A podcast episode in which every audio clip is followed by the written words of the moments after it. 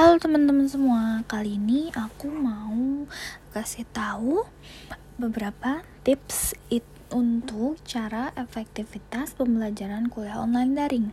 Nah, di masa pandemi COVID-19 yang telah meluas di seluruh penjuru dunia, termasuk di Indonesia, membuat semua kegiatan belajar mengajar tatap muka atau offline harus dihentikan, sementara secara serentak. Tetapi, walaupun pembelajaran secara offline dihentikan, pendidikan di Indonesia tetap berjalan dengan baik dan terstruktur dengan adanya pembelajaran online atau perkuliahan daring.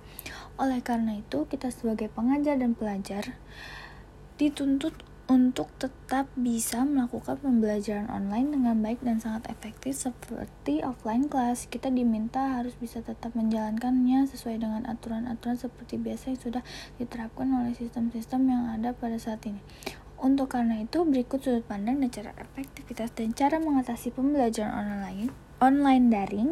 Sudut pandangnya disampaikan oleh salah satu dosen sekolah vokasi IPB akun IPB jurusan akuntansi yaitu Ibu Asti. Ibu Asti berpendapat uh, dan memberikan beberapa jawaban yang ditanyakan oleh saya mengenai pembelajaran dan perkuliahan online daring ini. Berikut beberapa pertanyaan yang saya sampaikan.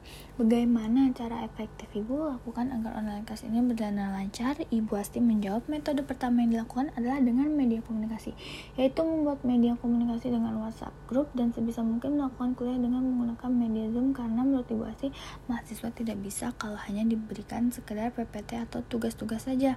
Yang kedua, Kendala selama pembelajaran dan bagaimana cara mengatasinya? Bu Asti menjawab, kendala yang dihadapi adalah mahasiswa yang kembali ke kampung halamannya dengan adanya beberapa kendala dan gangguan seperti sinyal, mati lampu, dan lain-lain.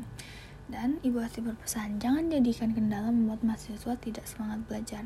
Nah, berikut ada pandangan dari uh, seorang mahasiswi Universitas Bisnis dan Komunikasi London School of Public Relations yang merupakan seorang pelajar, yaitu Debbie.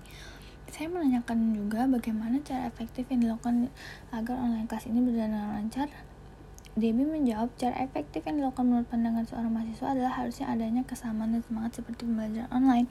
Dan yang kedua, menurut uh, Debbie lebih efektif manakah antara daring atau offline class? Debbie menjawab offline class karena apabila beberapa hal materi atau pertanyaan yang disampaikan bisa langsung ditanyakan dan apabila offline sulit ketika mengajarkan beberapa hal seperti tugas-tugas.